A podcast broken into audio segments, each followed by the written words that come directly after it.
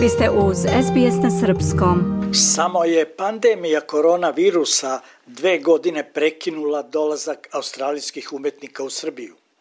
U poslednjih nekoliko decenija stvaraoci sa petog kontinenta nastupali su u Beogradu i drugim našim gradovima. Čuveni australijski gitarista Tommy Emanuel 18. augusta otvorio je 19. izdanje festivala Beer Fest na Beogradsku mušću pred više desetina hiljada posetilaca. Emanuel je svirao sat i po i oduševio publiku. So really, uh, the concert is more the family reunion. Uoči nastupa svetski poznati gitarista održao je konferenciju za medije. On je govorio o svojim nastupima u Herceg-Novom i Raškoj, a koncerte, tako kaže, doživljava kao familijarno okupljanje. Then you are the audience. Ko je sve iz Australije bio gost na Beogradskom jazz festivalu koji je obnovljen 2005. godine, za SBS radio govori Vojislav Pantić, jazz kritičar, a od 2005. do 2013. godine i umetnički direktor ovog festivala.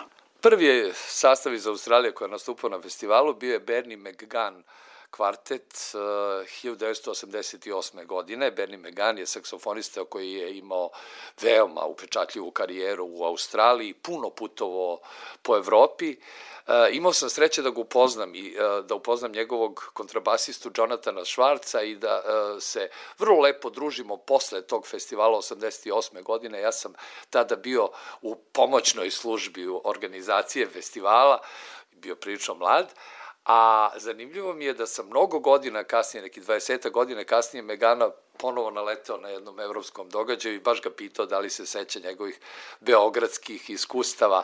A, potom smo dugo čekali na sledećeg muzičara a, iz Australije i zapravo smo dobili a, jednu a, afirmisanu uh, osobu na više uh, polja, ne samo u muzici, nego i u glumi, Ursulu Jović, koja je, da kažem, našeg porekla, a uh, u Australiji već poznata po aktivnostima na raznim poljima kulture i koja je nastupala u pratećem programu festivala 2015. godine sa našim muzičarima, čim se su postavi bili Peđa Milutinović i Vasil Hadžimanov, ne mogu da setim ko je još bio u tom bendu, a onda ono što je meni bio san boga mi nekih deseta godina da uh, znači primimo u našu sredinu najvažniji australijski džez sastav svih vremena, sastav The Next koji je ostvario svetsku slavu potpuno originalnom muzikom koja da kažem uh, koja ne može se poredi ni sa jednom strujom ni tradicionalnog, ni savremenog džeza koji uh, sa tim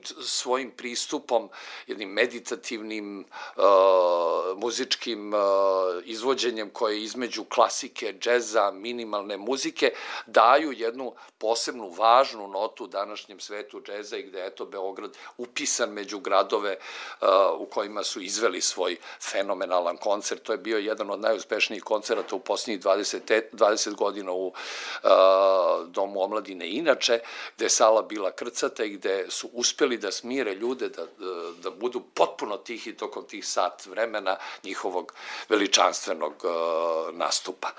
Uh, nadam se da ćemo viđati i u budućnosti neke australijske muzičare, jer sam siguran da u toj sredini ima još toga što treba istražiti. Iz Beograda za SBS radio Hranislav Nikolić. Želite da čujete još priča poput ove? Slušajte nas na Apple Podcast, Google Podcast, Spotify ili odakle god slušate podcast.